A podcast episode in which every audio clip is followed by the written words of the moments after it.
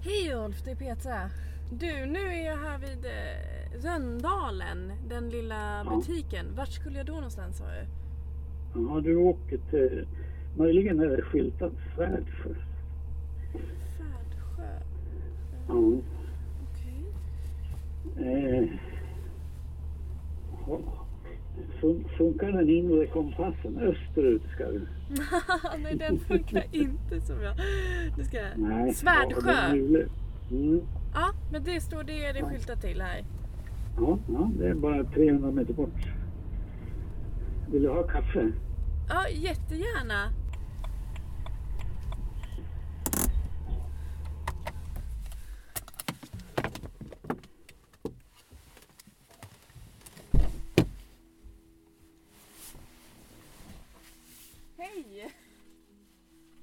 Jag är på väg till miljöaktivisten Rolf Lundqvist som bor strax utanför Falun i Dalarna.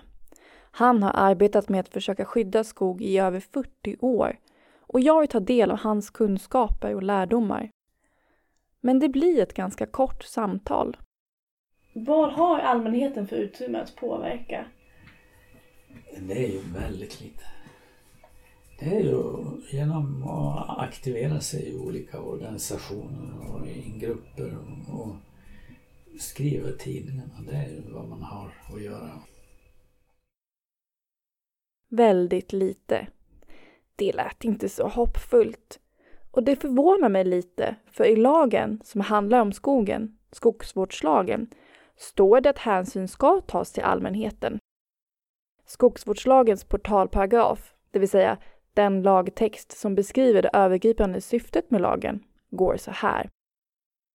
Skogen är en nationell tillgång och en förnybar resurs som ska skötas så att den uthålligt ger en god avkastning samtidigt som den biologiska mångfalden behålls. Vid skötseln ska hänsyn tas även till andra allmänna intressen.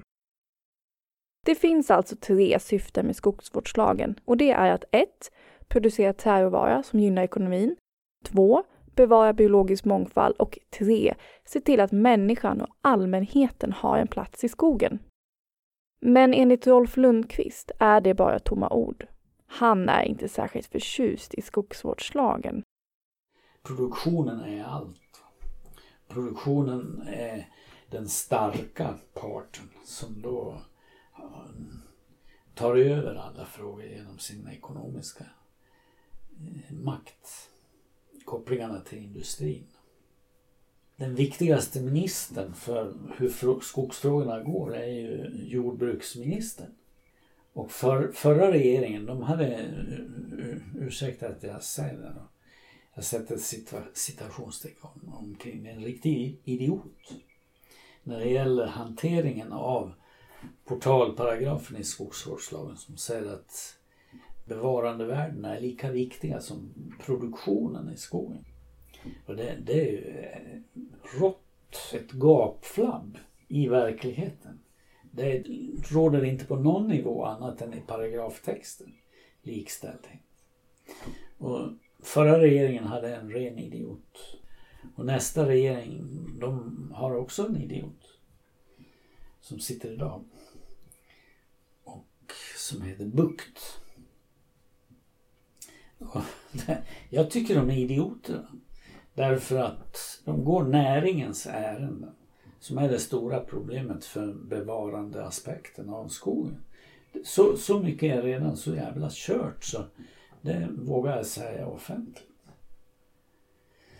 Och, och det, det är ju inget kul att se det där. Men vad gör man? Det, jo, man lerar sig med likasinnade och så försöker man göra det som går. På väg hem hänger Rolfs ord tungt i luften. Allting är redan så kört. Men varför har inte fler reagerat? Är det så att personer har försökt, men att ingen har lyssnat på dem?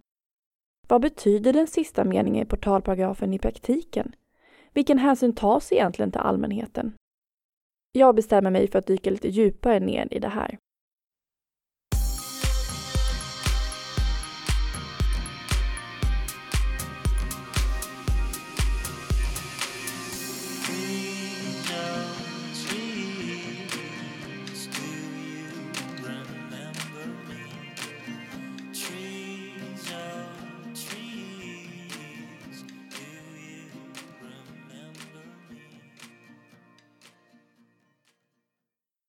Krokoms kommun i Jämtland finns ett väldigt omtalat och vackert vattenfall. Området är idag ett Natura 2000-område. Natura 2000 är ett EU-initiativ för att skydda unika naturområden runt omkring i Europa. Som till exempel Kork-Ekeslunda i Spanien, Ödeheder i England och blommande alpängar i Österrike. Vattenfallet och dess omkringliggande natur är ett av Krokoms kommuns mest populära besöksmål och det lockar årligen många turister. Området är även känt för sitt fiske. Någon kilometer längre bort ligger också Valsjöbyn som har sin flitigt använda festplats precis intill vattenfallet. Det här är en liten idyll i de jämtländska skogarna. Vilket av följande träd har kottar? Är det ett gran, kryss björk eller två ek? Gran! Bra! Är det kul att vara ute i skogen? Ja. Ja. Ja. Ja. ja. Det är svårt att få ut mig i skogen fast det är väl där så är det roligt. Mm. Vad sa du? Är det roligt att vara ute i skogen?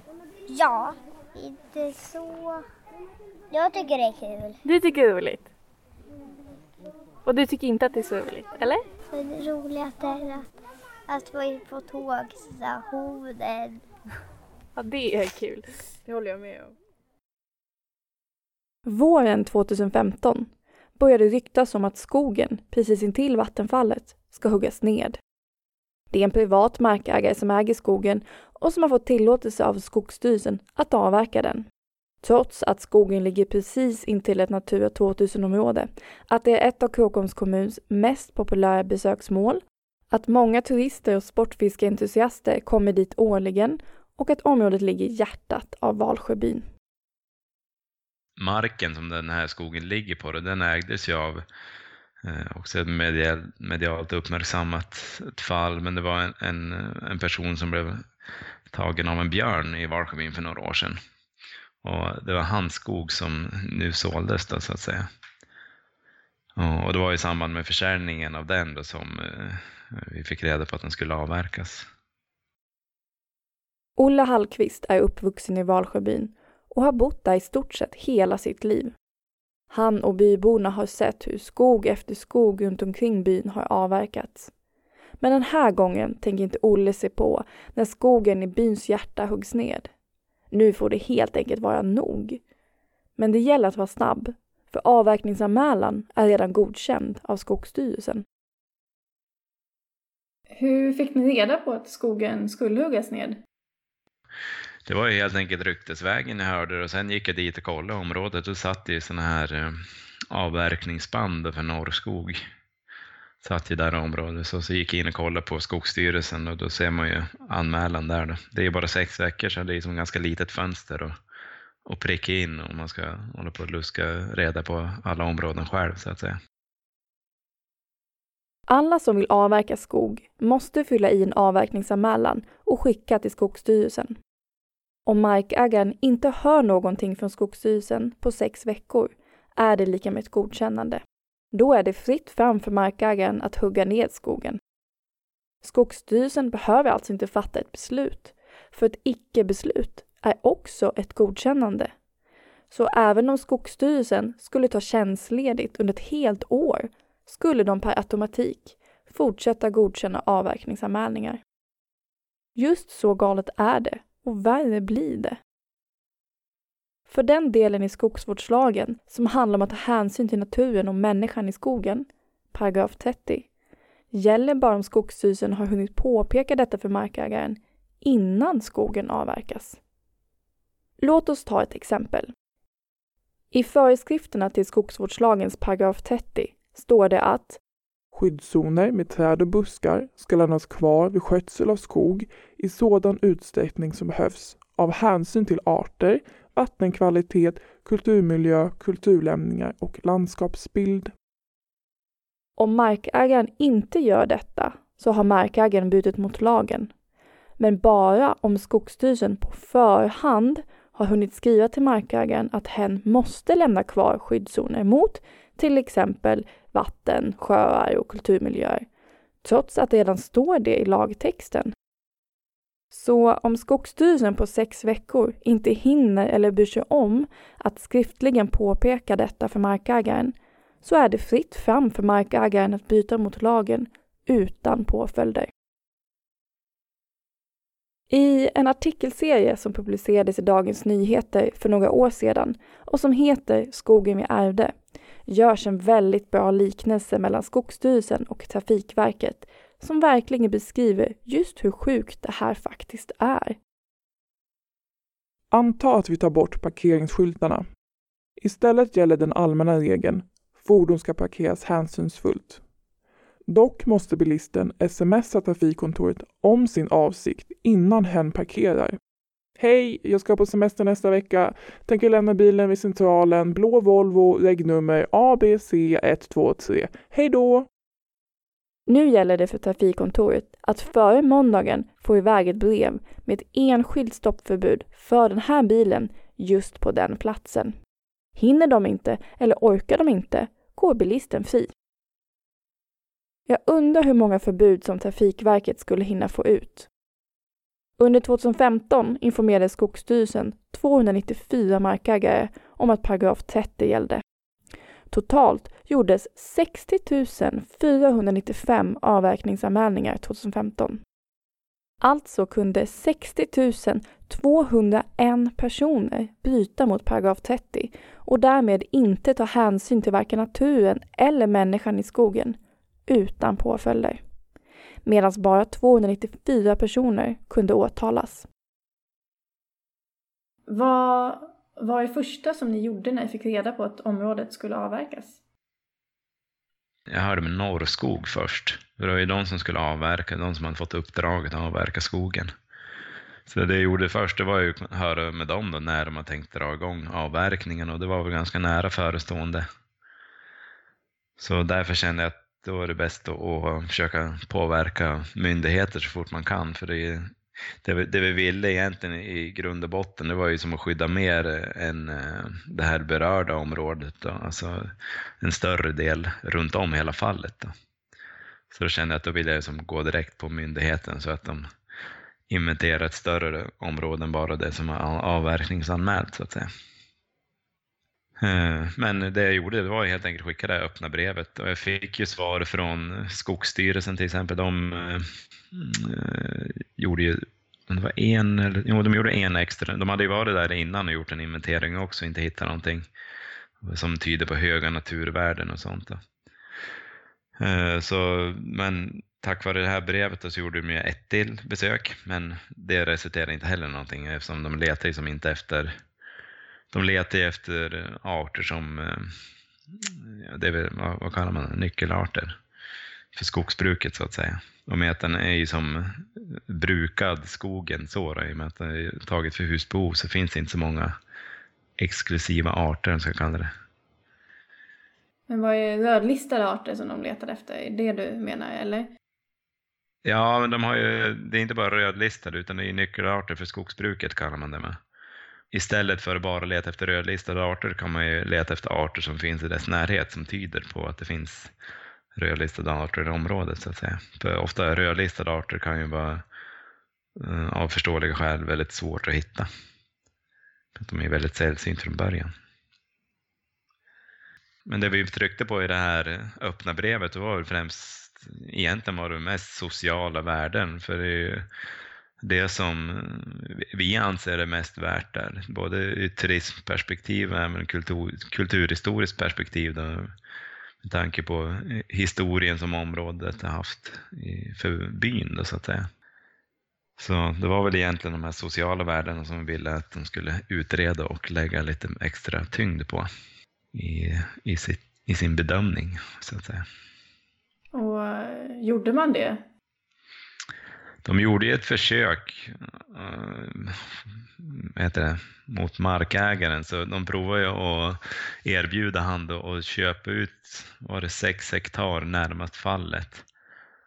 Och äh, att äh, det övriga skogen skulle avverkas genom vad heter det, hyggesfritt skogsbruk, då, alltså fröträställning heter det väl.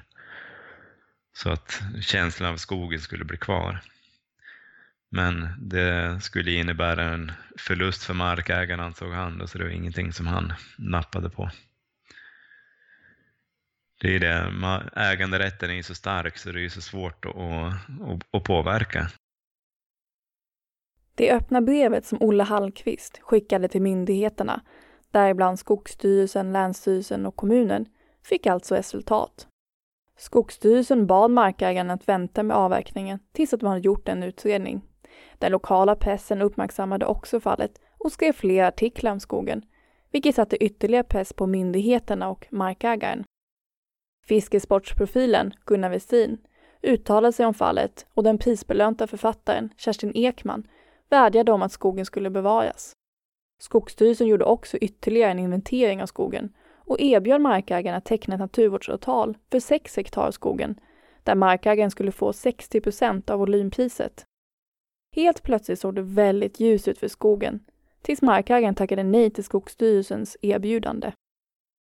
Men mitt i den här uppståndelsen hade markägaren i en intervju med Östersundsposten sagt att han kunde tänka sig att sälja skogen. Och det gav nytt hopp till Olle Hallqvist och byborna i Valsjöbyn.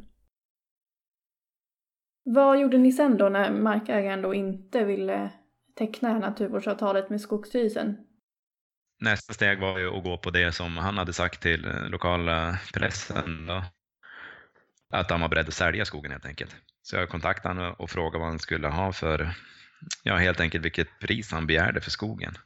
Och då efter någon dag så fick jag en summa och då var det ju, det var ju inte en ren försäljning av skogen utan det han ville var ju att man, han ville ha 40, volymvärdet plus 40 procent för att han skulle skriva ett nyttjandeavtal i 50 år.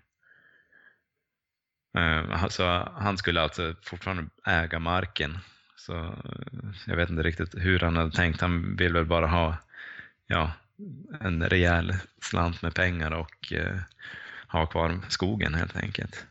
Så det blev väldigt dyrt. Så. Alltså, det var ju, som ingen, innan så hade jag intressenter som ville eh, köpa marken, men när det blev så där, för då, det man kan få som skogsägare det är som volymvärdet om man, om man avverkar allting eller löser in det som naturvårdsavtal. Så att säga volymvärdet plus 40 procent, det är som ingen som vill köpa en ren förlustaffär. Alltså då, då skänker man ju bort pengar plus att han fortfarande äger marken. Så det var ju som bortkastad tid att hålla på med det.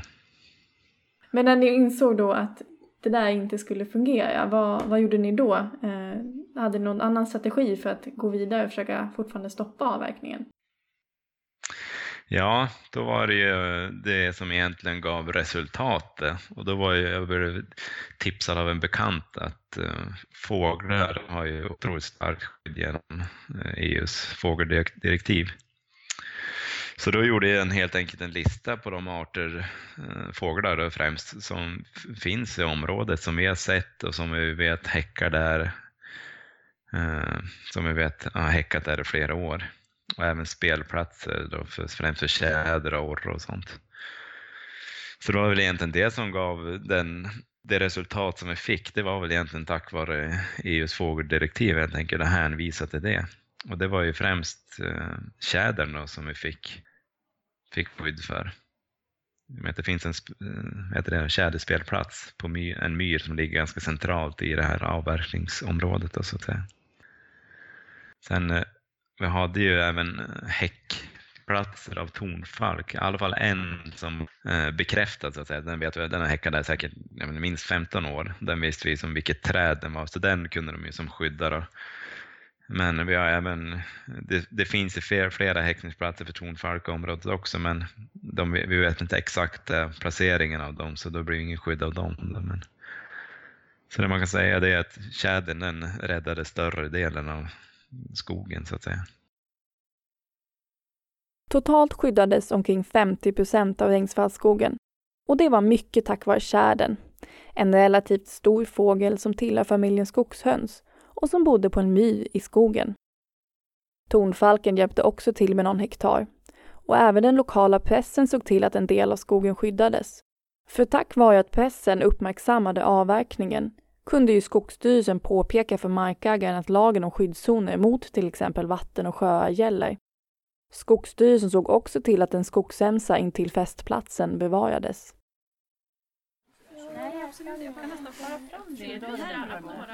Om eh, någon skulle komma hit och hugga ner den här skogen, vad skulle ni göra då? Jag skulle typ eh, skriva ett brev till de som har bestämt typ om det och ja, typ försöka göra så att det inte blir så. Jag skulle slå dem. Vad snällt. Ja, men skulle det. Mm, jag vet inte. Eller jag är barn. Mm. Kanske säga till mina föräldrar eller något, jag vet inte. Jag skulle plantera. Ja. Jag skulle försöka stoppa dem och annars skulle jag plantera nya träd. Ingenting. Vad skulle du göra? Säga till.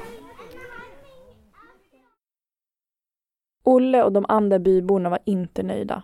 Halva skogen skulle fortfarande huggas ned. Och även om fläckar i skogen skulle bevaras så skulle ju känslan av skogen försvinna. Den 15 april i år gav Skogsstyrelsen åter grönt ljus till markägaren att avverka. Som tur var hade tjädern i marken släppt och då blev markägaren tvungen att vänta till hösten innan han kunde börja avverka. Det gav Olle en chans att inventera skogen över sommaren, det vill säga leta efter sällsynta växter och djur som skulle kunna skydda hela skogen.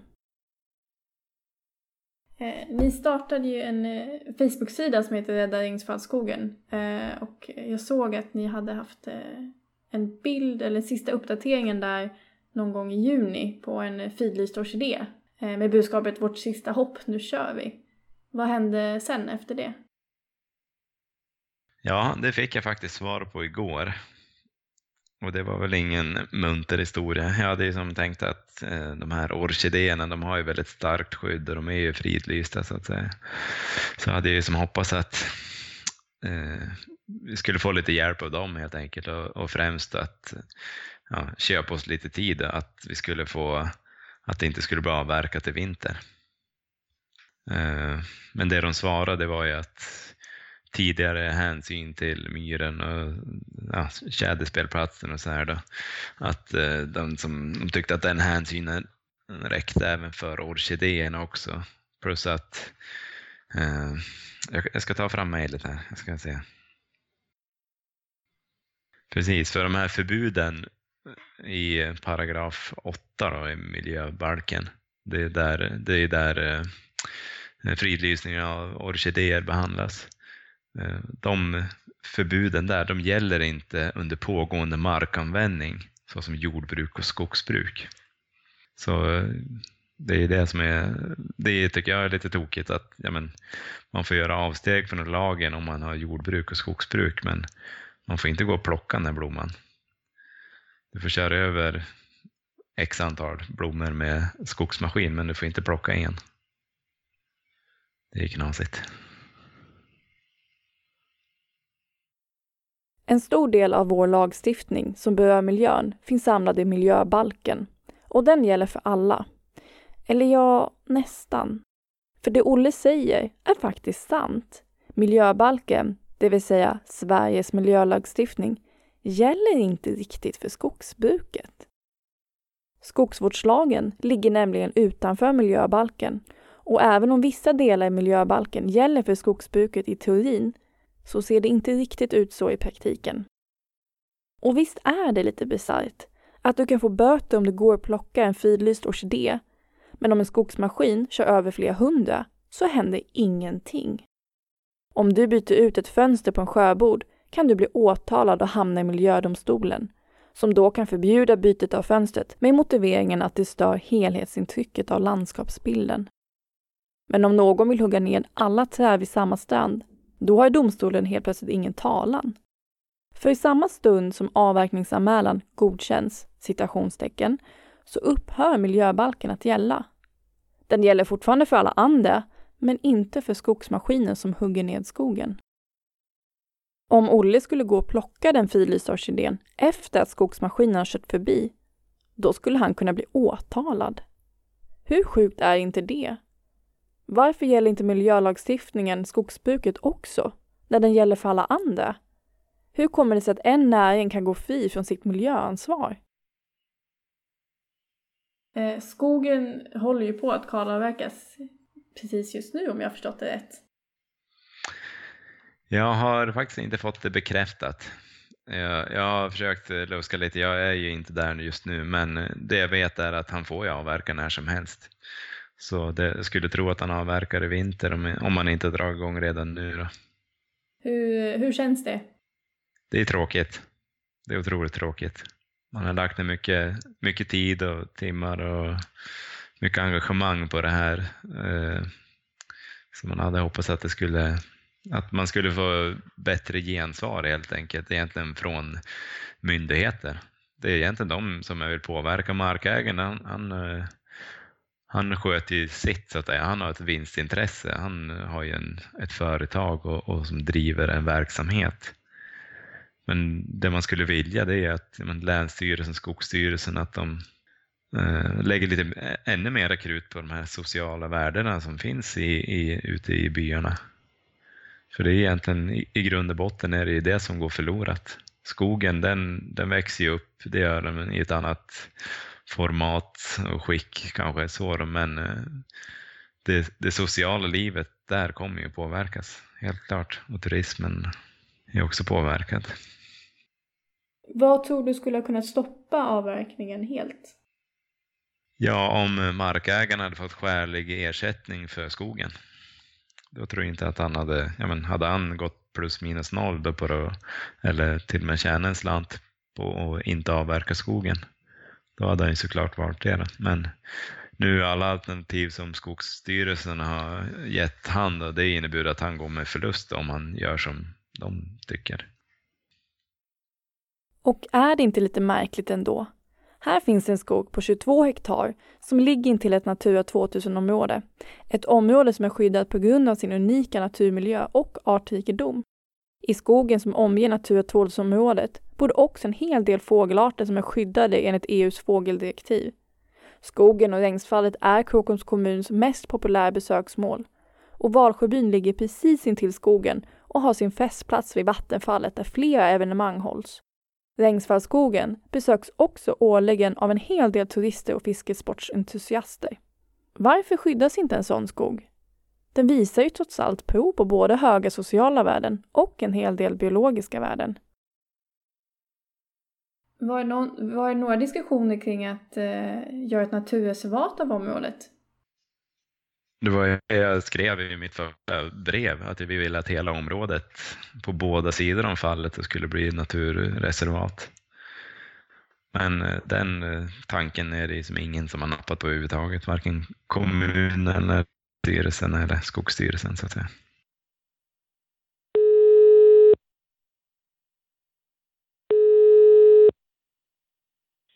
Länsstyrelsen, Per Hedberg. I Rengsvallskogen så fanns det ju fågelarter som är skyddade enligt EUs fågeldirektiv. Och det fanns också ett vattenfall och en ström som rann genom skogen och som är ett Natura 2000-område. Och eh, mm. skogen var ju också ett av Krokoms kommuns mest populära besöksmål och Valsjöbyn som ligger precis intill skogen är ju väldigt betydelsefull för byborna som bland annat har sin festplats precis intill vattenfallet. Så jag undrar ju lite då liksom, vad mer krävs liksom, för att ett område ska bli ett naturreservat? Ja, eh, man kan väl säga arterna som pekas ut i, i eh, artskyddsförordningen och så. De ska ju kunna klaras på annat sätt egentligen. Det, där jobbar man normalt inte liksom med reservatsbildning för att liksom klara arter utan det, ska, det har man som markägare skyldighet att se till att de, de klarar sig ändå. Eh, och sen vad det gäller själva vattendraget så är ju det skyddat i och med att det är Natura 2000. Så man får inte avverka ända ner mot, mot stranden så att det liksom kan påverka vattendraget. Eh, och sen när det gäller de sociala värdena så har vi inte eh, riktigt de verktygen. Eh, när man, när man använder liksom naturreservat. Eh, så det som hade krävts egentligen, det var väl att, att eh, hela området, alltså även skogsmarken skulle haft höga naturvärden. Precis, men den visade kanske inte så höga naturvärden på det viset, men den visade ju många mm. olika typer av värden. Ja, ja men det, det är lite grann att, att det där är ju starka plusvärden, men man måste komma över den första tröskeln, att det ska vara tillräckligt höga naturvärden först för att överhuvudtaget komma på tal. Men när man väl har kommit över den tröskeln, då börjar de här plusvärdena att spela sin, sin roll. Det var ju en, en bit liksom runt tjädern som, som sparades. Det här är bara lite en ren spekulation, men det känns lite konstigt att man liksom eh, här, det här området, okej okay, men då ska så här många hektar runt det här området skyddas. Eh, och sen så kan andra, resten liksom kan liksom huggas ner helt. Det känns ju ändå mm. som att man på sätt och vis lite förstör livsmiljön för den, den arten ändå, liksom på lång sikt. Ja, jo men visst är det ju så. Men det är ju ett pris vi får ha för att vi ska ha ett skogsbruk lite grann.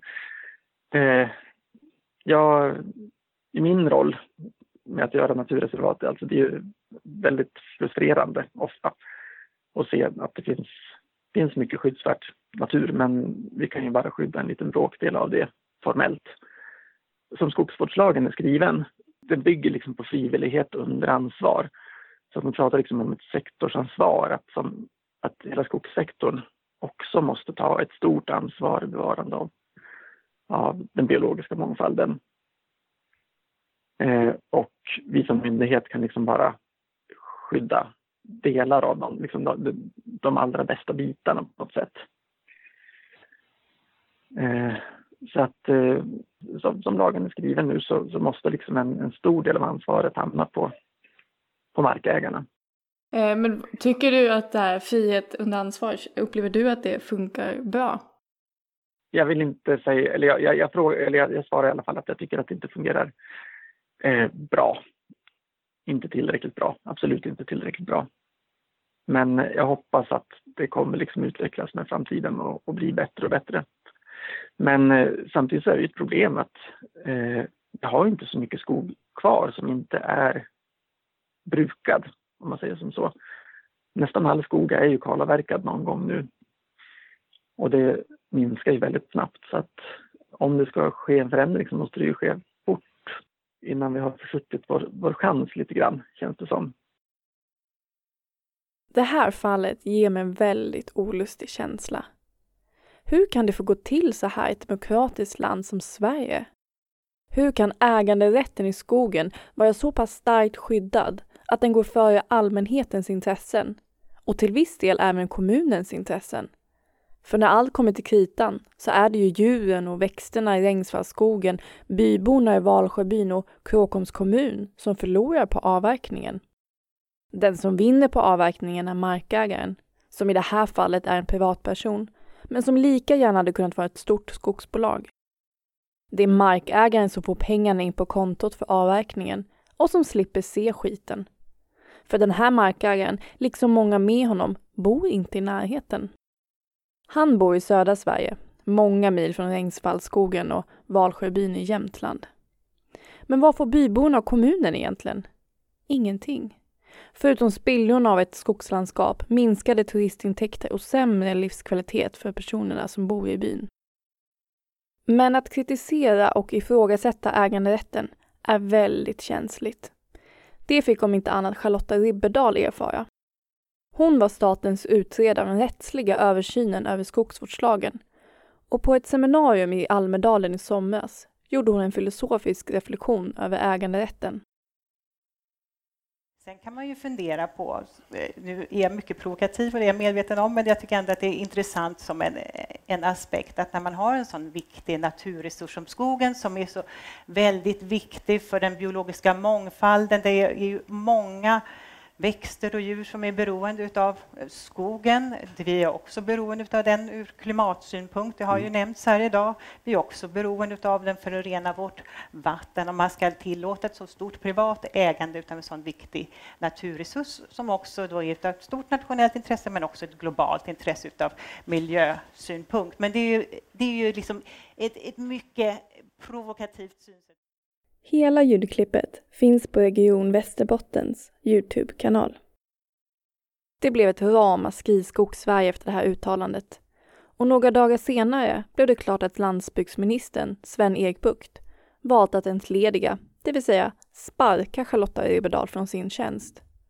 Så stark är äganderätten i Sverige. Faktum är att Skogsstyrelsen, fram tills i år, aldrig har åtalat en markägare för brott mot skogsvårdslagens paragraf 30. Hur många avverkningar är det egentligen som strider mot det som står i paragraf 30? Enligt Skogsstyrelsens egna uppföljningar från 2012 lever var tredje kalhygge inte upp till kraven i paragraf 30. Alltså, var tredje kalhygge tar inte den miljöhänsynen som krävs enligt lag.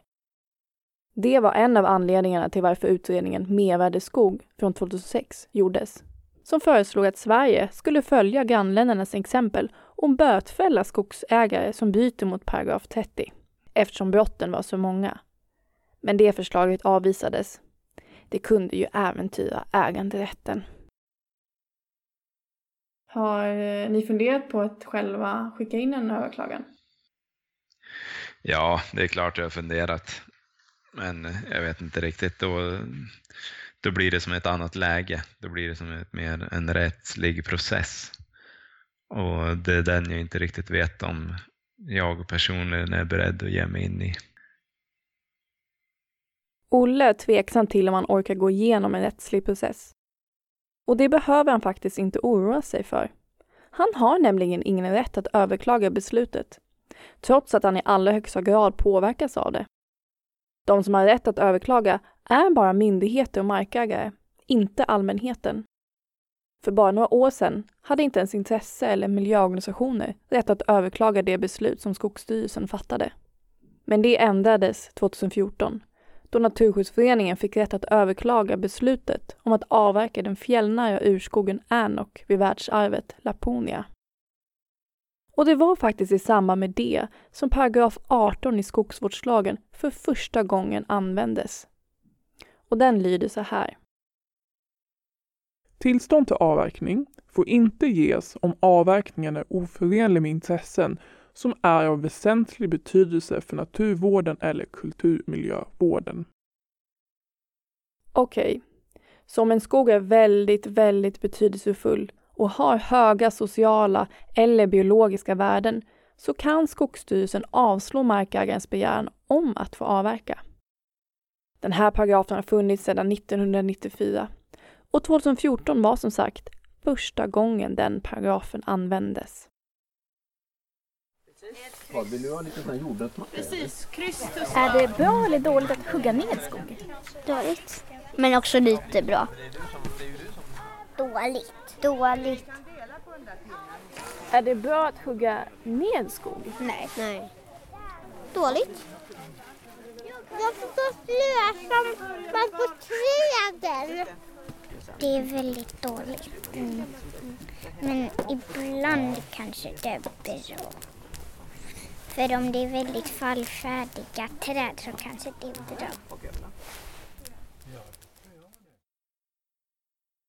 Det verkar som att en stor anledning till varför det ser ut som det gör i skogen har med lagen och tillämpningen av lagen att göra. Som sagt, var tredje kalhygge lever inte upp till paragraf 30 och lagens krav på miljöhänsyn. Skogsstyrelsen har fram tills i år aldrig åtalat en skogsägare för brott mot paragraf 30 och har aldrig självmant använt paragraf 18. Det är i princip inte olagligt att bryta mot lagen och om du byter mot lagen så blir det sällan några konsekvenser. Skogsnäringen är överlag väldigt nöjd med skogsvårdslagen och det som de kallar för frihet under ansvar. Det vill säga att det är upp till markägaren att följa lagen och att ta ett större ansvar än vad lagen faktiskt kräver. Men jag undrar vilka andra som är det? Inte är Olle och byborna Valsjöbyn nöjda och knappast heller orkidén eller de andra växterna och djuren i Rengsvassskogen som inte bor granne med tornfalken eller tjädern. Varför kan vi inte bruka vår skog på ett sätt som gör alla nöjda? Och måste vi verkligen kalhugga våra skogar? Vad finns det för andra alternativ egentligen?